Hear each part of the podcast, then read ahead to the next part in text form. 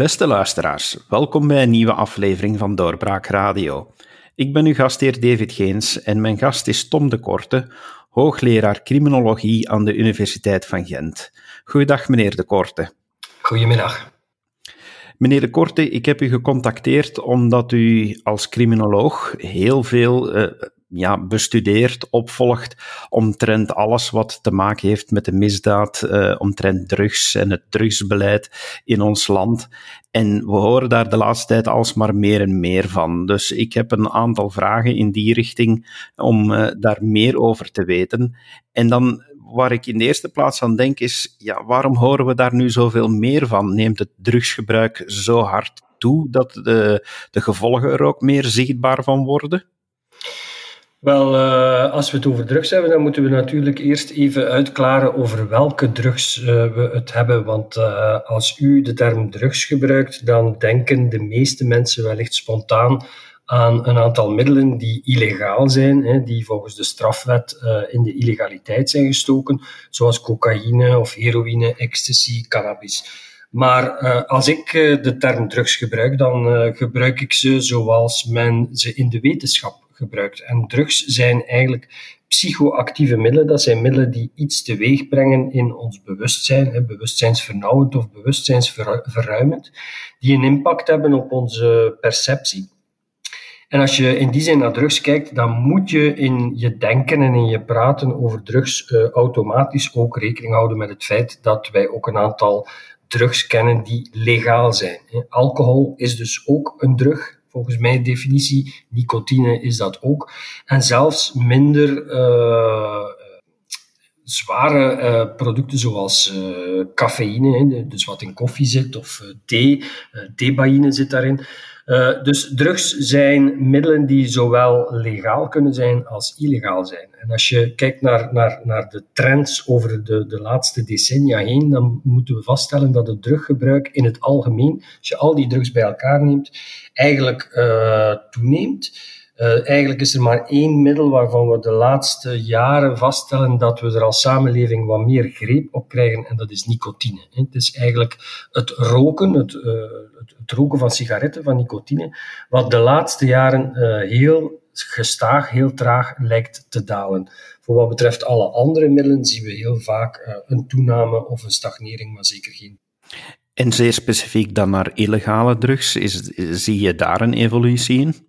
Wel, uh, de trends per product natuurlijk, die kunnen erg schommelen. Hè. Uh, van elk product kun je wel een aantal perioden in de geschiedenis aanduiden waarbij er een forse toename was. En er zijn ook periodes waarin bepaalde drugs plots weer wat minder populair of uh, minder in de mode zijn. Bijvoorbeeld, als we kijken naar de drug cocaïne, dan is dat een product dat in de jaren 20 en begin de jaren 30 eigenlijk een, een hoogste heeft gekend aan populariteit.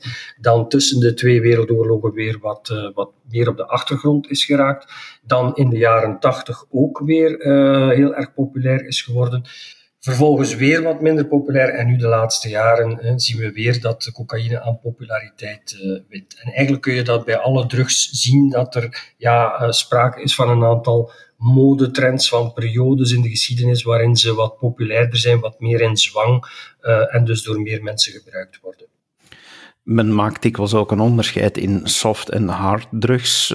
Hoe gaat u dan vanuit uw wetenschappelijke kennis daar het onderscheid in maken?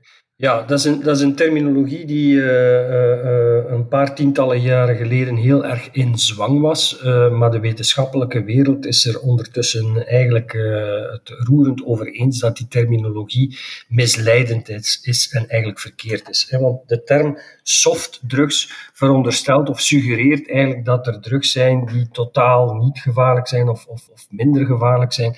En dat er producten zijn harddrugs die zeer gevaarlijk zijn. Maar we weten ondertussen uit heel wat onderzoek dat zelfs met producten die men vroeger als een softdrug bestempelde, dat uh, sommige mensen daar heel erg mee in problemen kunnen komen. En omgekeerd weten we ook uit onderzoek, en dat is wat minder bekend uh, en wat contra-intuïtief, dat is dat er ook onderzoek is dat uitwijst dat sommige uh, mensen de zogenaamde hard drugs, ik denk dan aan cocaïne of heroïne, eigenlijk op een zeer gecontroleerde manier kunnen gebruiken. Dat neemt niet weg natuurlijk dat je een rangschikking kunt maken van middelen uh, en op basis van een heleboel uh, parameters, neurologische, toxicologische, geneeskundige parameters, toch een, een ranking kunt maken van, uh, van drugs volgens hun gevaarlijkheid, volgens hun toxiciteit. Hè.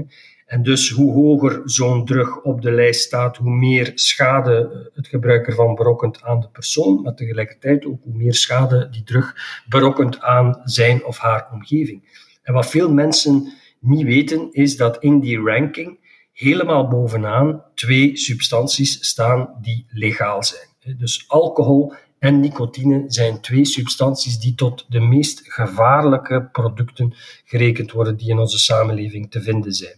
Dat zouden dus eigenlijk de, de hardste of de hardest drugs moeten worden genoemd. Het is natuurlijk ook zo dat cocaïne en heroïne ook behoorlijk hoog op dat lijstje staan. Maar bijvoorbeeld een product zoals cannabis of ecstasy staat in die rankings naar toxiciteit en naar gevaarlijkheid heel erg laag.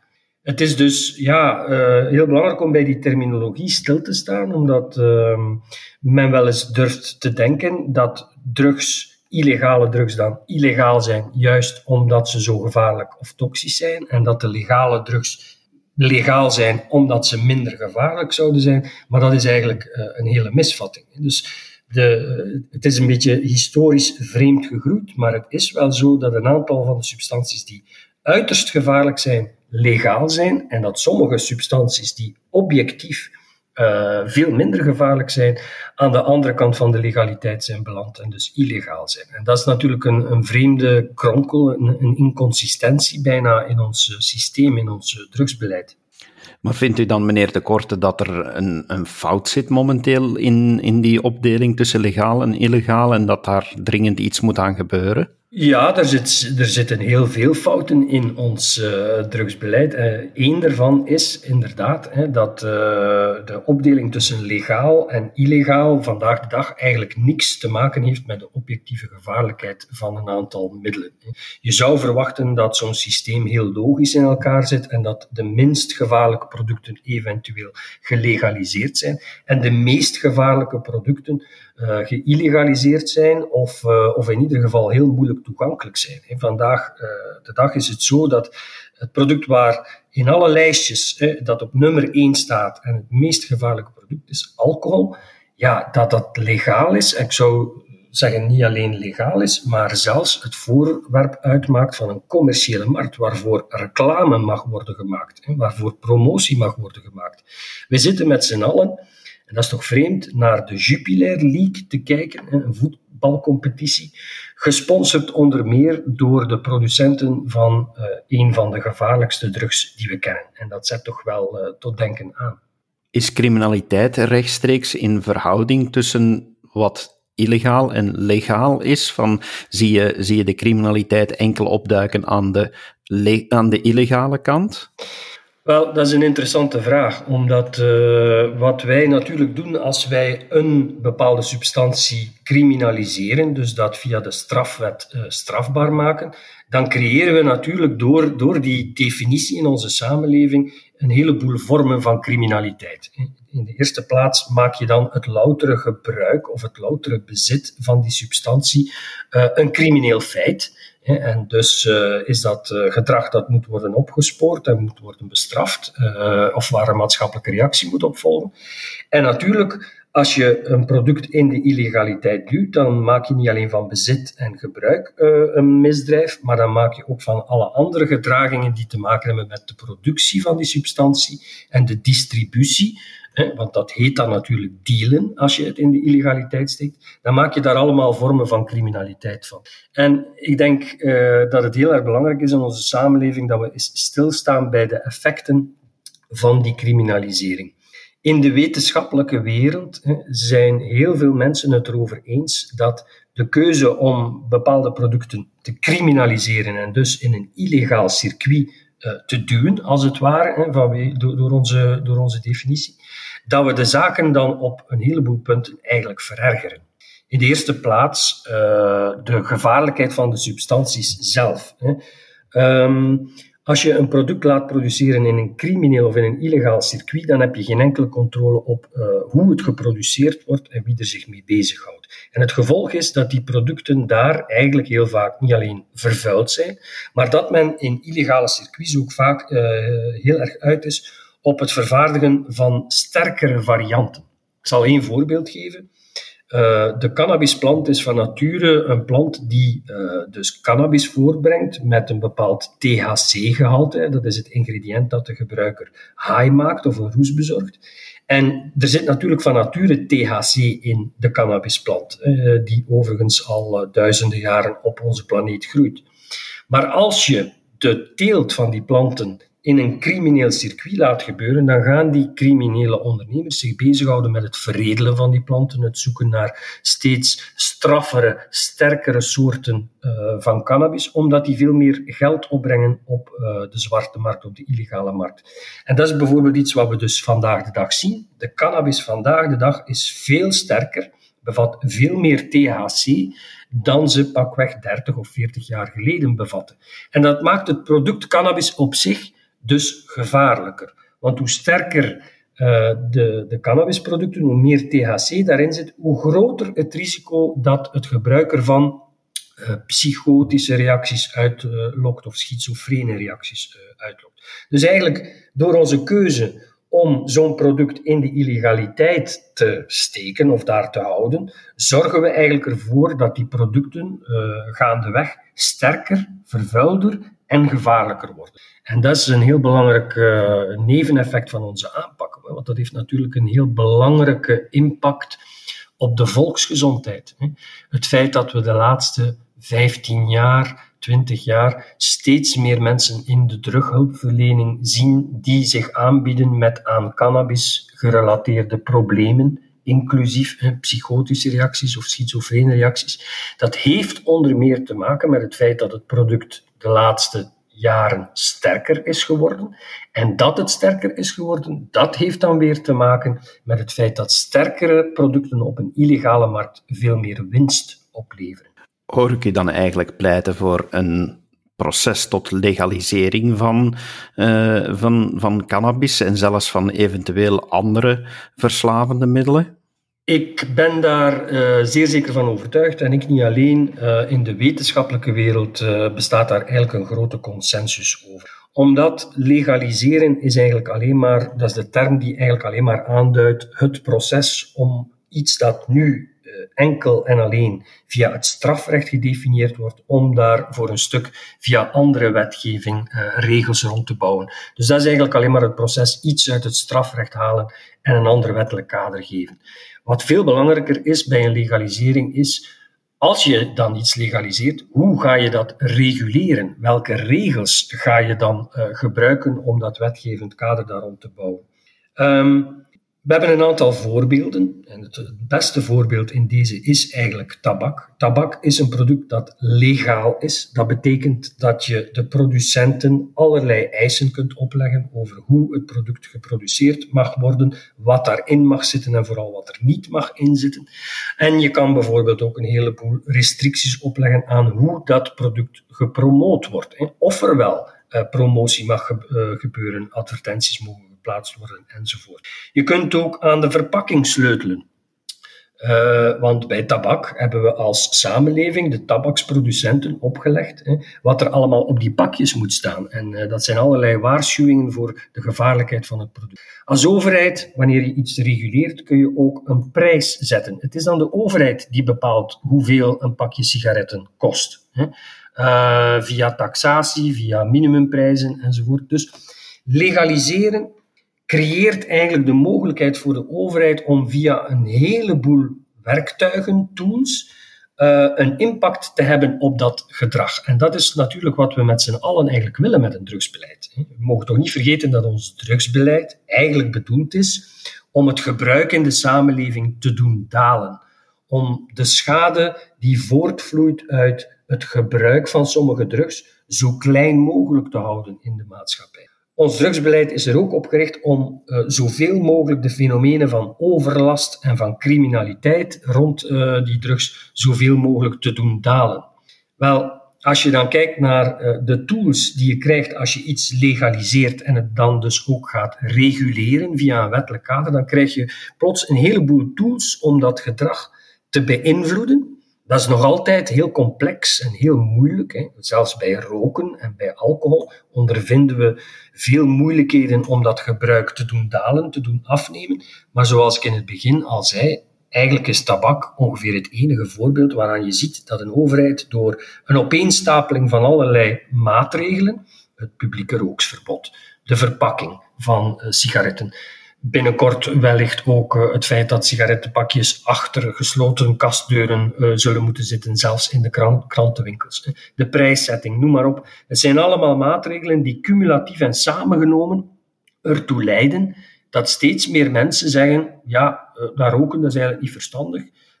Dat elke roker doordrongen is van, van de idee, eigenlijk is het ongezond en eigenlijk zou ik er beter mee stoppen of minderen. En dat een aantal mensen ook daadwerkelijk stopt. En dat is ja, vanuit het perspectief van de volksgezondheid uh, het ultieme doel. Als je dan kijkt naar de illegale drugs, dan zien we daar eigenlijk het tegenovergestelde. We zien eigenlijk dat we als samenleving op dit moment en met de huidige aanpak geen greep hebben op dat fenomeen. Voor mij gaat het uh, om controle verwerven als samenleving, grip krijgen op, greep krijgen op dat zeer complexe fenomeen. En het lijkt dan een beetje contraproductief van te zeggen we gaan het legaliseren, want sommige mensen interpreteren dat als ja, dan geef je eigenlijk de strijd op. Dan uh, laat je de boel de boel maar, dan um, vind je het eigenlijk allemaal goed.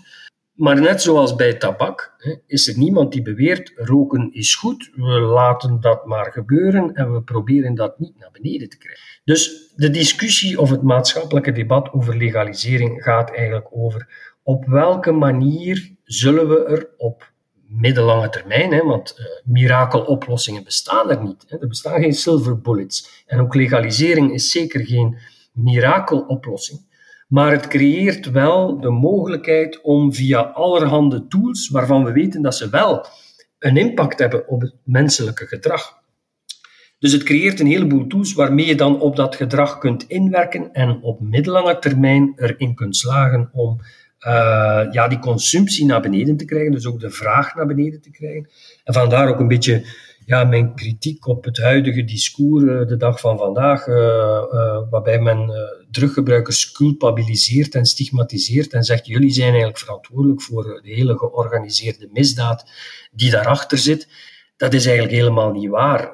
Wij als samenleving en de wetgevers en de, de, politici van dit land creëren het kader waarin georganiseerde criminaliteit rond drugs heel erg kan gedijen en heel erg grote winsten kan maken. Dus wij zorgen ervoor dat zij vrij spel hebben.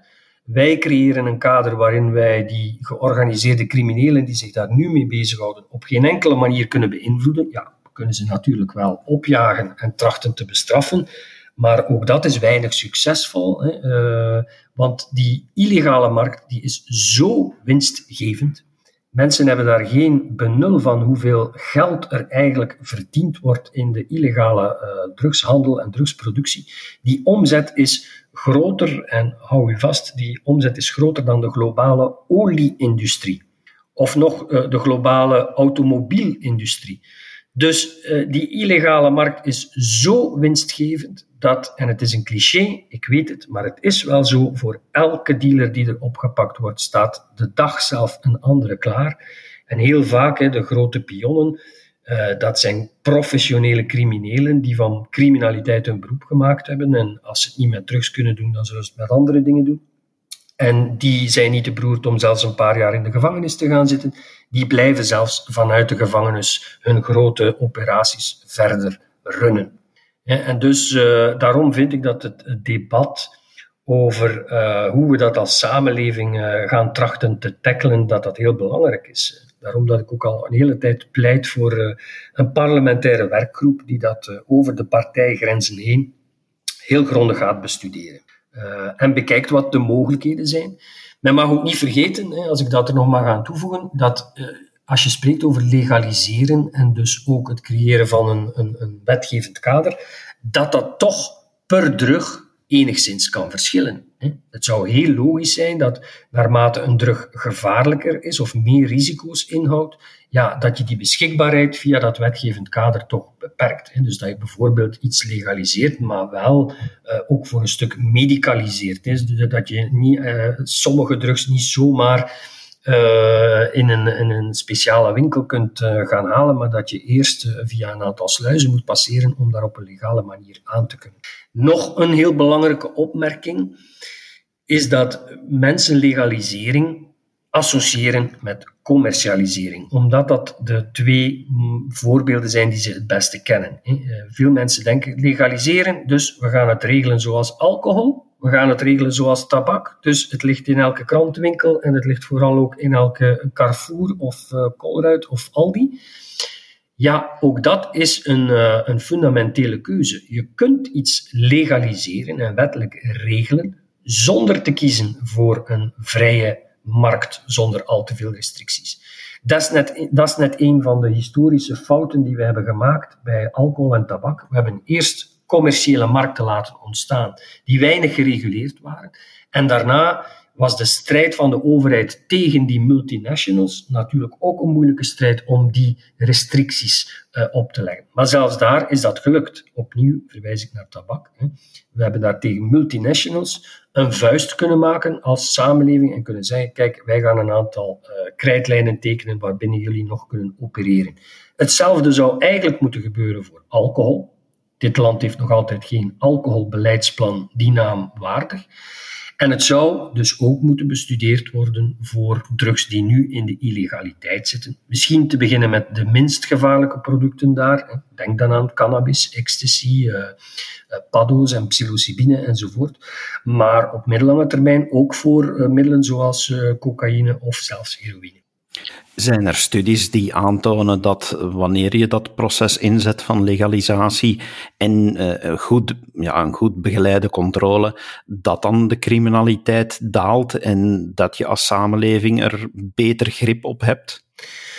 Eerst en vooral zijn er uh, historische voorbeelden. Ik denk bijvoorbeeld aan het grote experiment waarbij men in uh, de jaren 20 in Amerika alcohol verboden heeft. dat is 13 jaar heeft men daar gekozen voor de criminalisering van alcoholproductie en, en, alcoholbezit enzovoort. En de gevolgen waren niet te overzien. Het is trouwens de periode waarin Al Capone en alle andere criminele ondernemers ja, hun imperium hebben kunnen uitbouwen. Dus dat is toch wel een heel belangrijke les. Uh, dat is wat we vandaag de dag ook doen met de producenten van drugs die nu nog illegaal zijn. Dus uh, het hele experiment van de prohibition of de drooglegging in Amerika is een mooie illustratie van ja, hoe winstgevend iets dan wordt en hoe attractief iets dan wordt voor criminele ondernemers. Meer recent is er natuurlijk uh, aan de lopende band nu heel wat onderzoek en cijfers die gaan over uh, de effecten van de legalisering van cannabis, die sinds een paar jaar plaatsvindt op een, op een aantal plaatsen in de wereld. Er zijn nu meer dan tien deelstaten in Amerika waar de cannabismarkt gelegaliseerd is en gereguleerd is. Canada heeft het sinds 2017 ook gedaan. Uruguay in Latijns-Amerika was een van de eersten in 2014. En er staan nog wel wat landen uh, in de rij om cannabis te legaliseren. En natuurlijk is de hele wereld en ook de wetenschappelijke wereld ja, met argusogen aan het kijken wat er nu gebeurt in, uh, in die verschillende landen waar, waar men die omslag, die radicale omslag heeft gemaakt. En ik moet zeggen, uh, uiteraard uh, zijn er cijfers en zijn er gegevens die erop wijzen dat een, een, nieuw wettelijk kader creëren voor een product waar je dat nooit voor gedaan hebt, dat dat een moeilijke en complexe oefening is, dat daar kinderziektes in zitten, dat de, de regulerende overheden dat uh, hun regels de eerste jaren nog flink hebben bijgespijkerd en, en, en bijgesleuteld. Maar al bij al zie je toch wel dat in die landen men helemaal niet van plan is om dat terug te schroeven en dat men er wel uh, een heleboel voordelen in ziet. Het is uh, in een aantal landen ondertussen al zeven of acht jaar aan de gang, en dat is toch al een hele periode. Um, en diegenen die dachten uh, dat zal de ondergang van het land worden en dat worden narco-staten waar iedereen aan de wiet hangt en onproductief wordt en waar alles in duigen valt ja, die hebben het toch verkeerd voor. Want in de meeste van die landen zijn op de meeste punten de indicaties dat het gebruik niet spectaculair is toegenomen, dat het aantal ongevallen in het verkeer onder invloed van cannabis niet spectaculair is toegenomen, zelfs stabiel is gebleven, dat uh, de politie meer middelen en meer capaciteit heeft om met andere zaken bezig te zijn, dat de staat inkomsten uh, verkrijgt uit die legale markt. Het zijn allemaal inkomsten die vandaag de dag bij ons gewoon in de zakken van de criminele ondernemers vloeien. Dus uh, al bij al uh, zijn uh, die resultaten en die evaluaties zeker niet negatief hoe komt eigenlijk dat we nu bijvoorbeeld in Antwerpen zien of ja, dat, de, dat de criminaliteit zichtbaarder wordt? Want misschien neemt de criminaliteit niet toe, maar zien we het nu wel beter? Is dat door een verkeerde beleidskeuze dan met die uh, war on drugs? Of wat, uh, wat gebeurt daar nu eigenlijk volgens u? Ja, wat mij betreft is het zeker het gevolg van een eh, verkeerde beleidskeuze, omdat uh, wat men nu heeft proberen te doen in Antwerpen de laatste zeven, acht jaar, dat op vele andere plaatsen in de wereld ook al is geprobeerd op een of andere manier. Hè, door uh, de criminalisering op te drijven, door de, de repressieve tactiek toe te passen, door meer politie in te zetten op het fenomeen. Wat je dan eigenlijk meestal krijgt, en dat was eigenlijk voorspeld, zijn geografische verschuivingen. Dus in die straten waar meer gepatrouilleerd wordt of waar meer camera's hangen, gebeurt natuurlijk minder. En als je in zo'n straat woont als buurtbewoner, dan ben je natuurlijk content uh, dat er minder overlast is. Maar het verschuift zich natuurlijk gewoon naar andere straten of andere plekken uh, waar dan de transacties plaatsvinden. Dus uh, wat betreft het fenomeen van gebruik en, en verkoop, detailhandel, leidt dat eigenlijk alleen maar tot verschuivingen. Wat nog veel erger is, en dat is wat we nu in Antwerpen zien, is dat onder druk van meer repressie je veel meer systemisch geweld ziet. Dat heeft alles te maken met uh, het feit dat hoe repressiever je optreedt uh, en hoe groter de pakkans wordt voor criminele ondernemers, hoe minder ja, de opportunistische spelers uh, die uh, zich daar uh, mee bezighouden, ermee ophouden en hoe meer de marktsegmenten alleen maar open liggen voor de echte zware jongens, de echte zware criminele ondernemers die inderdaad voor geweld niet terugschrikken. En doordat er een zenuwachtigheid is op die illegale markt, krijg je natuurlijk veel meer incidenten waarbij de ene criminele ondernemer de andere afdreigt of probeert te intimideren, of een marktaandeel probeert af te pakken. En natuurlijk bij uh, inbeslagnames, uh, grote inbeslagnames in de haven of elders, krijg je ook een, een zenuwachtigheid in dat milieu, waarbij men eh, wil weten wie heeft er ons hier geklikt, wie heeft met de politie samengewerkt. En als men vermoedens heeft, hè, dan gaat men ook daar hè, granaten gooien of schieten om, om die mensen te intimideren en te weten, we weten dat jij met de politie samenwerkt of we zullen je nog wel weten te vinden voor die verloren lading. Dus dat zijn allerlei soorten conflicten tussen hele zware jongens, uh, en die zullen alleen maar toenemen naarmate de repressie uh, opgevoerd wordt. Hè, want uh, in Latijns-Amerika heeft men ook eens hè, het leger proberen in te zetten, iets wat het Vlaams Belang nu voorstelt. Ja, dat leidt alleen maar tot meer geweld in de straten. Niet alleen tussen criminele ondernemingen, maar bovendien riskeer je een aantal bewoners uiteindelijk zo zenuwachtig en ambetant te maken, omdat ze, zij zich ook geviseerd worden ja, dat het, dat het uh, heel erg onprettig wordt om in die buurten te wonen. Je maakt het met een opgevoerde repressie eigenlijk alleen maar winstgevender, want de risico's worden alleen maar doorgerekend in de prijzen op de illegale markt. En dus je maakt het eigenlijk alleen maar winstgevender. Uh, en dus problematischer. Op die manier gaan we het probleem nooit onder controle krijgen.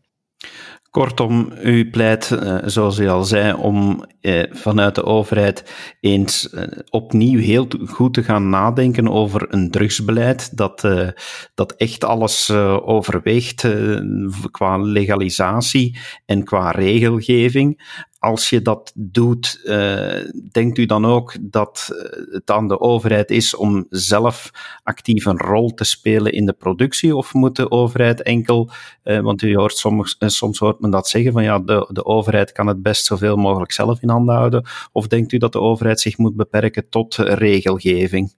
Wel, wat, wat ik in ieder geval uh, niet voorsta, en wat ik in ieder geval niet promoot, is de commercialisering. Ik denk dat uh, de historische lessen van alcohol, tabak en uh, geneesmiddelen ons duidelijk hebben getoond dat wanneer je multinationals dat allemaal laat doen, dat zij zich ook schuldig maken aan allerlei ja, wanpraktijken of toch uh, praktijken. Zij zijn er natuurlijk ook op uit om zoveel mogelijk van hun spul te slijten aan de consument. Dus een, een commercialisering is eigenlijk geen goed idee. Dus uh, moet je kijken naar ofwel een uh, commerciële markt die heel strikt aan banden wordt gelegd, hè, zoals bij tabak, of je moet kijken naar andere modellen, en ook die zijn niet alleen in de literatuur beschreven, maar zijn ook in de werkelijkheid uitgeprobeerd. En dat is inderdaad, zoals u zelf zegt, hè, overheidsmonopolies, waarbij de productie en of de distributie in handen wordt gehouden van de overheid. In Scandinavië is dat bijvoorbeeld bij de distributie van alcoholproducten zo. Dat zijn staatswinkels.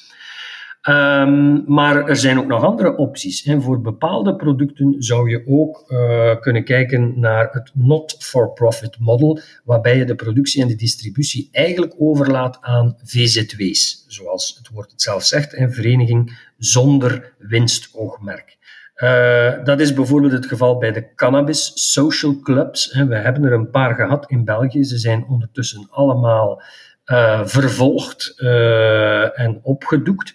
Maar in Uruguay, het land eh, waar ik daarnet al naar verwees en waar uh, cannabis in 2014 is gelegaliseerd, zijn cannabis social clubs, dus verenigingen van gebruikers, een van de drie wettelijke kanalen om cannabis te produceren en te verdelen onder de leden. En dat werkt daar uh, zeer goed.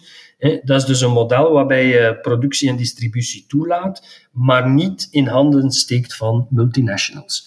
En dus voor sommige producten zijn dat soort van tussenopties uh, zeker ook uh, pistes die uh, grondig kunnen worden bestudeerd. Het eigenlijk al zijn, dus die, die op tafel liggen. Net zoals over, overheidsmonopolies, zoals u dat suggereert. Vindt u met dit pleidooi om hier grondig over na te denken en legalisatie te overwegen in een algemeen drugsbeleid, vindt u daarmee gehoor bij de overheid? Zijn er politici die hier willen over praten? Uh, ja, als je politici individueel en achter de schermen uh, of in een persoonlijk onderhoud spreekt, dan uh, zien heel veel politici van allerlei politieke strekkingen en partijen daar eigenlijk wel heil in. uiteindelijk is niemand tegen een, een oefening waarbij we met ons drugsbeleid meer successen kunnen boeken. Het is bij sommige politici natuurlijk een keuze tussen uh, volg ik de wetenschappelijke inzichten en adviezen uh, van experten en, en, en uh, baseer ik mijn visie dus op wat, wat eigenlijk ja, evidence-based is, of ehm, loop ik daarmee een electoraal risico. Drugs wordt voor, of door politici heel vaak gezien als een heel gevoelig, gevoelig onderwerp waar je snel je vingers kunt aan verbranden. En het is soms makkelijker om aan eh, je electorale achterban uh, te zeggen: uh, we gaan dat varkentje wel eens wassen, we gaan dat eens goed aanpakken en dat zal ons lukken. En daarvoor moeten we alleen maar wat harder op het gaspedaal drukken van ja, het voertuig waar we al in zitten, of de strategieën toepassen die we eigenlijk al altijd hebben toegepast. We moeten er gewoon meer middelen en meer manschappen tegenaan gooien. En uh, maar maar dat, dat werkt niet. Hè. Um, kijk, ik word wel eens weggezet als een, een grote criticaster van het huidige beleid, maar ik, ik, ik grijp echt terug naar wat de doelstellingen van ons drugsbeleid zijn. Dat is de volksgezondheid beschermen. Dat is er naartoe streven en het is een heel moeilijke en heel complexe oefening. Hè. Dat, dat uh, weet ik als geen ander. Maar het is wel de bedoeling dat we dat druggebruik doen dalen. En dat we de schade die eruit voortvloeit, dat, dat die kleiner wordt. En dat er minder criminaliteit en overlast mee gemoeid is. En juist daarom vind ik dat onze politici, van welke strekking dan ook, het aan zichzelf verplicht zijn om dat studiewerk serieus te doen. Overigens hebben we uh, halverwege de jaren negentig al eens een parlementaire werkgroep gehad, die twee jaar lang die complexe materie heeft bestudeerd, kennis heeft genomen van alle wetenschappelijke uh, evidentie en inzichten, geluisterd heeft naar alle experten die op het terrein met drugs te maken hebben, hè, ook drughulpverleners, preventiewerkers enzovoort. Van de aanbevelingen die toen geformuleerd zijn, hè, is veel niet in huis gekomen. Bovendien weten we ondertussen nog veel meer. We zijn 25 jaar later. Maar het basisprincipe was toen al: repressie zou het ultimum remedium moeten zijn en wij zouden veel meer moeten kunnen inzetten op preventie in de eerste plaats en hulpverlening in de tweede plaats. En wat ik vandaag zie gebeuren is bijna het omgekeerde. Er wordt beknibbeld op hulpverlening en vooral ook op preventie. Er wordt heel veel geïnvesteerd in repressie en we boeken geen noemenswaardige successen. Het aantal dealers dat een proces verbaal uh, aan zijn broek krijgt of het aantal kilo's dat in beslag genomen wordt, dat zijn voor mij helaas geen indicatoren van succes. Want recordvangsten worden er al 100 jaar gedaan. Er wordt elke week wel een recordvangst uh, gedaan op het terrein.